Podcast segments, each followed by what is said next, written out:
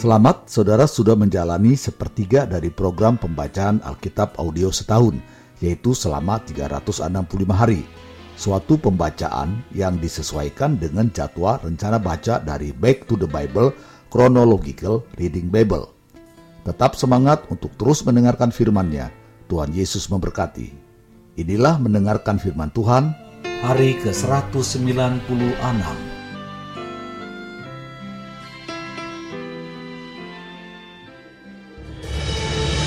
Dua Tawari pasal 28 ayat 1 sampai 27. Raja Ahas. Ahas berumur 20 tahun pada waktu ia menjadi raja dan 16 tahun lamanya ia memerintah di Yerusalem. Ia tidak melakukan apa yang benar di mata Tuhan seperti Daud bapa leluhurnya.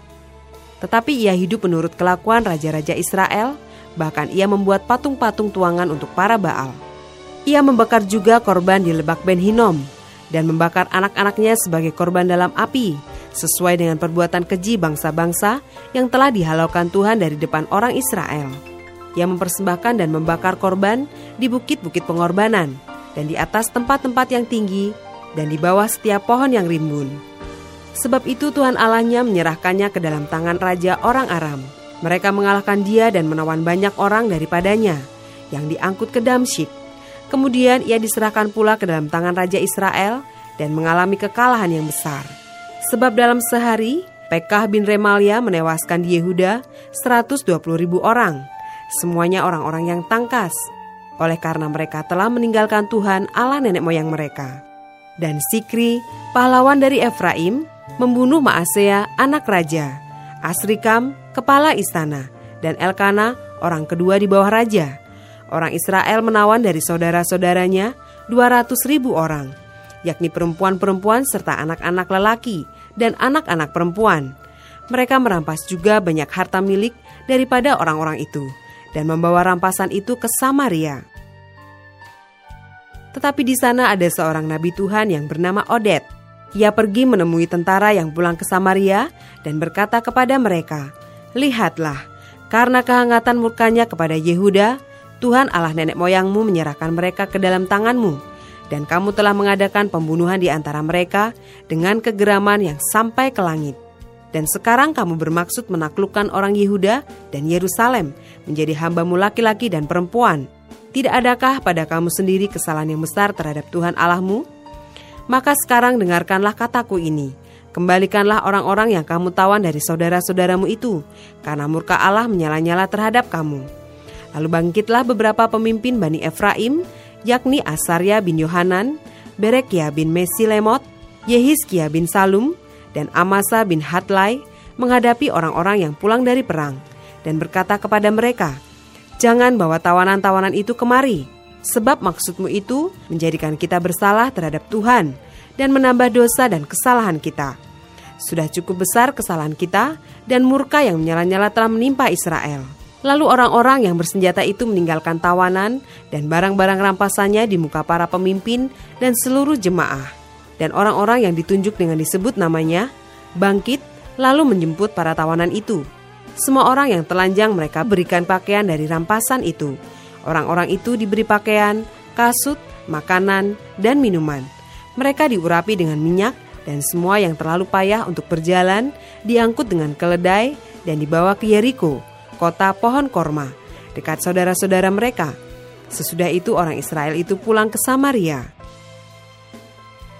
Pada waktu itu Raja Ahas menyuruh utusan kepada Raja Negeri Asyur untuk memohon bantuan. Karena orang Edom telah datang pula dan mengalahkan Yehuda serta mengangkut tawanan-tawanan. Orang-orang Filistin juga telah menyerbu kota-kota di daerah bukit dan di tanah Negeb Yehuda. Mereka pun merebut Bet Semes, Ayalon, Gederot, Soko, dengan segala anak kotanya, Timna dengan segala anak kotanya, dan Gomso dengan segala anak kotanya, dan menetap di kota-kota itu. Demikianlah Tuhan merendahkan Yehuda oleh karena Ahas, Raja Israel itu, membiarkan kebiadaban berlaku di Yehuda, dan berubah setia kepada Tuhan. Maka datanglah Tilgat Pilnezar, Raja Negeri Asyur kepadanya, hanya bukan membantu dia, melainkan menyesakannya.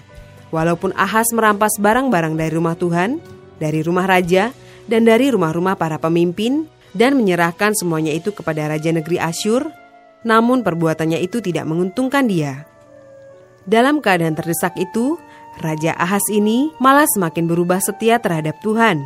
Ia mempersembahkan korban kepada para Allah orang Damsyik yang telah mengalahkan dia. Pikirnya, yang membantu raja-raja orang Aram adalah para Allah mereka. Kepada merekalah aku akan persembahkan korban, supaya mereka membantu aku juga.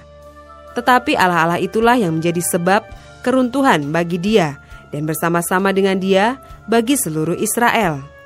Ahas mengumpulkan perkakas-perkakas rumah Allah dan menghancurkannya. Ia menutup pintu rumah Tuhan, lalu membuat mesbah-mesbah bagi dirinya di segenap penjuru Yerusalem. Di tiap-tiap kota di Yehuda, ia membuat bukit-bukit pengorbanan untuk membakar korban bagi Allah lain. Dengan demikian ia menyakiti hati Tuhan, Allah nenek moyangnya. Selebihnya dari riwayatnya dan seluruh tingkah langkahnya, dari awal sampai akhir, sesungguhnya semuanya itu tertulis dalam kitab Raja-Raja Yehuda dan Israel. Kemudian Ahas mendapat perhentian bersama-sama dengan nenek moyangnya dan dikuburkan di dalam kota di Yerusalem. Tetapi ia tidak dibawa ke pekuburan raja-raja Israel. Maka Hizkia anaknya menjadi raja menggantikan dia.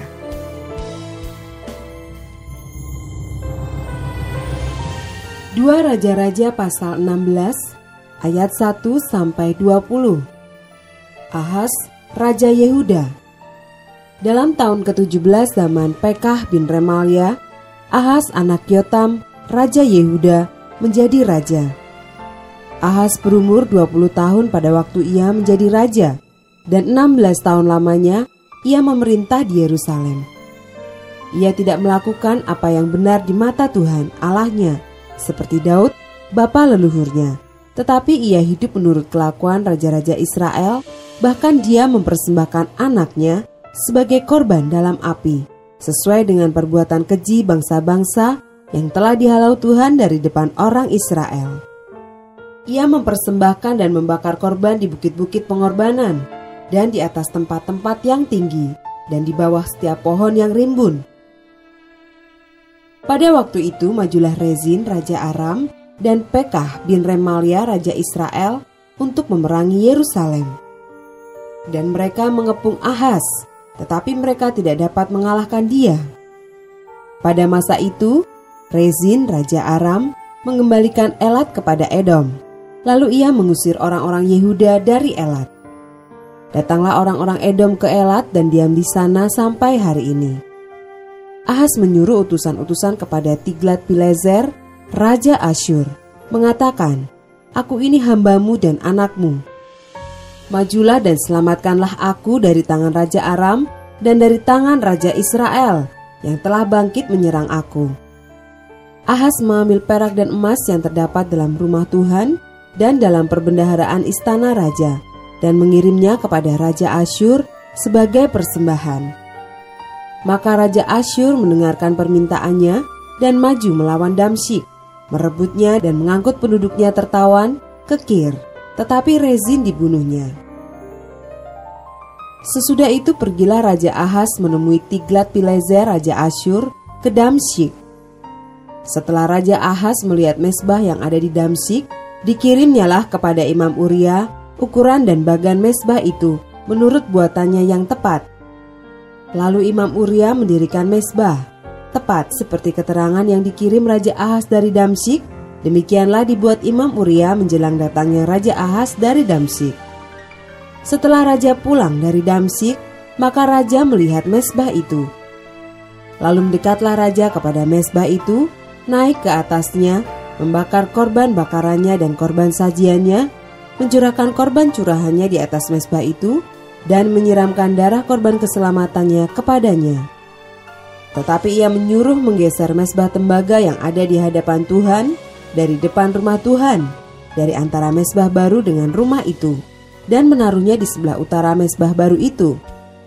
Kemudian Raja Ahas memerintahkan kepada Imam Uria, bakarlah di atas mesbah besar itu korban bakaran pagi dan korban sajian petang, juga korban bakaran dan korban sajian raja lagi korban bakaran dan korban sajian, dan korban-korban curahan seluruh rakyat negeri. dan siramkanlah kepadanya segenap darah korban bakaran dan segenap darah korban sembelihan, tetapi mesbah tembaga itu adalah urusanku. Lalu Imam Uria melakukan tepat seperti yang diperintahkan Raja Ahaz. Sesudah itu Raja Ahaz memotong papan penutup kereta penopang dan menyingkirkan bejana pembasuhan dari atasnya. Juga laut itu diturunkannya dari atas lembut tembaga yang mendukungnya dan ditaruhnya di atas alas batu. Selanjutnya demi Raja Asyur disingkirkannya dari rumah Tuhan serambi tertutup untuk hari sabat yang telah didirikan pada rumah Tuhan, juga pintu masuk untuk raja yang di sebelah luar. Selebihnya dari riwayat Ahas dan apa yang dilakukannya, bukankah semua itu tertulis dalam kitab sejarah Raja-Raja Yehuda? Kemudian Ahas mendapat perhentian bersama-sama dengan nenek moyangnya, dan ia dikuburkan di samping nenek moyangnya di kota Daud. Maka Hiskia anaknya menjadi raja menggantikan dia. Dua Raja-Raja pasal 17 ayat 1 sampai 6. Hosea, Raja Israel. Dalam tahun ke-12 zaman Ahas, Raja Yehuda, Hosea bin Ela menjadi raja di Samaria atas Israel. Ia memerintah sembilan tahun lamanya. Ia melakukan apa yang jahat di mata Tuhan, tetapi bukan seperti raja-raja Israel yang mendahului dia. Salmaneser, Raja Asyur, maju melawan dia. Hosea takluk kepadanya serta membayar upeti. Tetapi kedapatanlah oleh Raja Asyur bahwa di pihak Hosea ada persepakatan, karena Hosea telah mengirimkan utusan-utusan kepada So, Raja Mesir, dan tidak mempersembahkan lagi upeti kepada Raja Asyur seperti biasanya tahun demi tahun. Sebab itu Raja Asyur menangkap dia dan membelenggu dia dalam penjara. Kemudian majulah Raja Asyur menjelajah seluruh negeri itu. Ia menyerang Samaria dan mengepungnya tiga tahun lamanya. Dalam tahun ke-9 zaman Hosea, maka Raja Asyur merebut Samaria. Ia mengangkut orang-orang Israel ke Asyur ke dalam pembuangan dan menyuruh mereka tinggal di Halah, di tepi sungai Habor, yakni sungai negeri Gosan, dan di kota-kota orang Madai. Ayat 7-23 Keruntuhan Kerajaan Israel Hal itu terjadi karena orang Israel telah berdosa kepada Tuhan Allah mereka, yang telah menuntun mereka dari tanah Mesir, dari kekuasaan Firaun Raja Mesir, dan karena mereka telah menyembah Allah lain dan telah hidup menurut adat istiadat bangsa-bangsa yang telah dihalau Tuhan dari depan orang Israel dan menurut ketetapan yang telah dibuat raja-raja Israel. Dan orang Israel telah menjalankan hal-hal yang tidak patut terhadap Tuhan Allah mereka. Mereka mendirikan bukit-bukit pengorbanan di mana pun mereka diam, baik dekat menara penjagaan maupun di kota yang berkubu. Mereka mendirikan tugu-tugu berhala dan tiang-tiang berhala di atas setiap bukit yang tinggi dan di bawah setiap pohon yang rimbun. Di sana, di atas segala bukit itu, mereka membakar korban seperti bangsa-bangsa yang telah diangkut Tuhan tertawan dari depan mereka. Mereka melakukan hal-hal yang jahat sehingga mereka menimbulkan sakit hati Tuhan. Mereka beribadah kepada berhala-berhala, walaupun Tuhan telah berfirman kepada mereka, "Janganlah kamu berbuat seperti itu."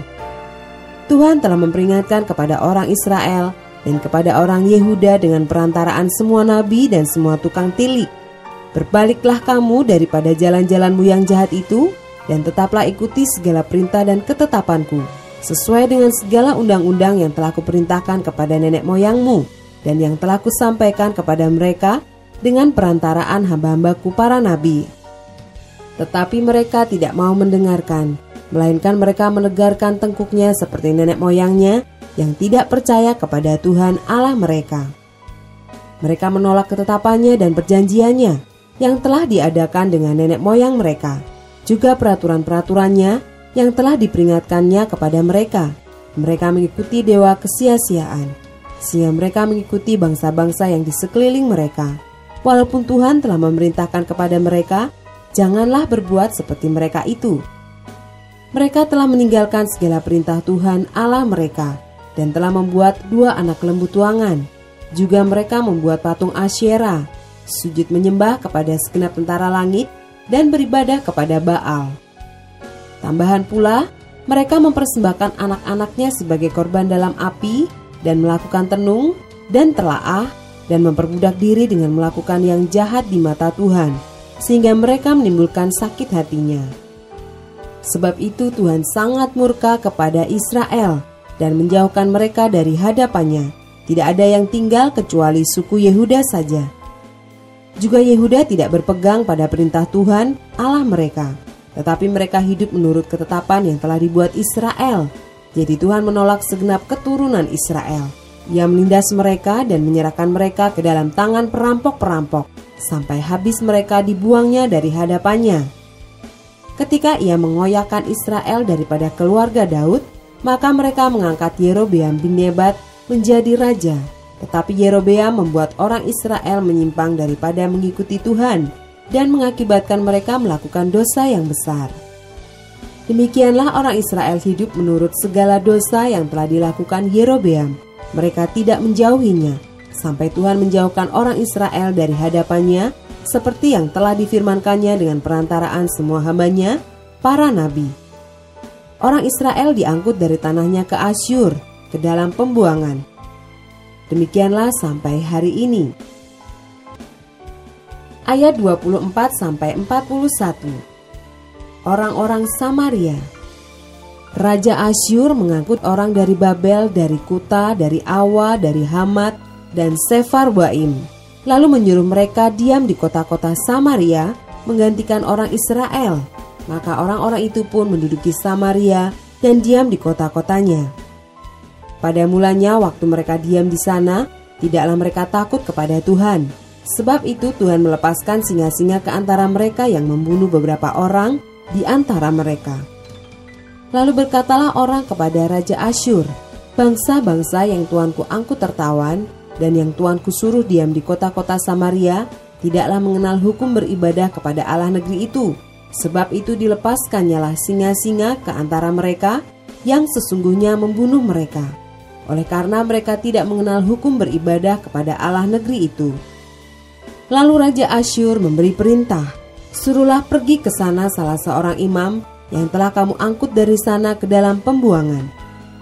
Biarlah ia pergi dan diam di sana dan mengajarkan kepada mereka hukum beribadah kepada Allah negeri itu.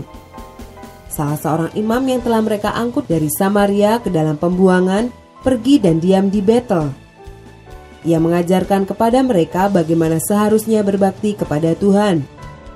Tetapi setiap bangsa itu telah membuat alanya sendiri dan menempatkannya di kuil di atas bukit-bukit pengorbanan yang dibuat oleh orang-orang Samaria. Setiap bangsa bertindak demikian di kota-kota yang mereka diami. Orang-orang Babel membuat patung Sukot Benot. Orang-orang Kuta membuat patung Nergal. Orang-orang Hamat membuat patung Asima dan orang-orang awam membuat patung Nibas dan Tartak. Orang-orang Sefar Waim membakar anak-anak mereka sebagai korban bagi Adramelek dan Anamelek para Allah di Sefar Waim. Di samping itu mereka berbakti kepada Tuhan dan mengangkat dari kalangan mereka imam untuk bukit-bukit pengorbanan. Maka orang-orang inilah yang melakukan ibadah bagi mereka di kuil di atas bukit-bukit pengorbanan itu. Mereka berbakti kepada Tuhan tetapi dalam pada itu, mereka beribadah kepada Allah mereka sesuai dengan adat bangsa-bangsa, yang dari antaranya mereka diangkut tertawan. Sampai hari ini mereka berbuat sesuai dengan adat yang dahulu. Mereka tidak berbakti kepada Tuhan dan tidak berbuat sesuai dengan ketetapan, hukum, undang-undang dan perintah yang diperintahkan Tuhan kepada anak-anak Yakub yang telah dinamainya Israel. Tuhan telah mengadakan perjanjian dengan mereka dan memberi perintah kepada mereka. Janganlah berbakti kepada Allah lain, janganlah sujud menyembah kepadanya, janganlah beribadah kepadanya, dan janganlah mempersembahkan korban kepadanya. Tetapi Tuhan yang menuntun kamu dari tanah Mesir dengan kekuatan yang besar dan dengan tangan yang teracung, kepadanya lah kamu harus berbakti, kepadanya lah kamu harus sujud menyembah dan mempersembahkan korban. Tetapi kamu harus berpegang kepada ketetapan-ketetapan, peraturan-peraturan hukum, dan perintah yang telah ditulisnya bagimu dengan melakukannya senantiasa dengan setia. Dan janganlah kamu berbakti kepada Allah-Allah lain. Janganlah kamu melupakan perjanjian yang telah kuadakan dengan kamu, dan janganlah kamu berbakti kepada Allah lain, melainkan kepada Tuhan Allahmu, kamu harus berbakti. Maka ia akan melepaskan kamu dari tangan semua musuhmu. Tetapi mereka tidak mau mendengarkan, melainkan mereka berbuat sesuai dengan adat mereka yang dahulu. Demikianlah bangsa-bangsa ini berbakti kepada Tuhan, tetapi dalam pada itu mereka beribadah juga kepada patung-patung mereka, baik anak-anak mereka maupun cucu cicit mereka melakukan seperti yang telah dilakukan nenek moyang mereka sampai hari ini.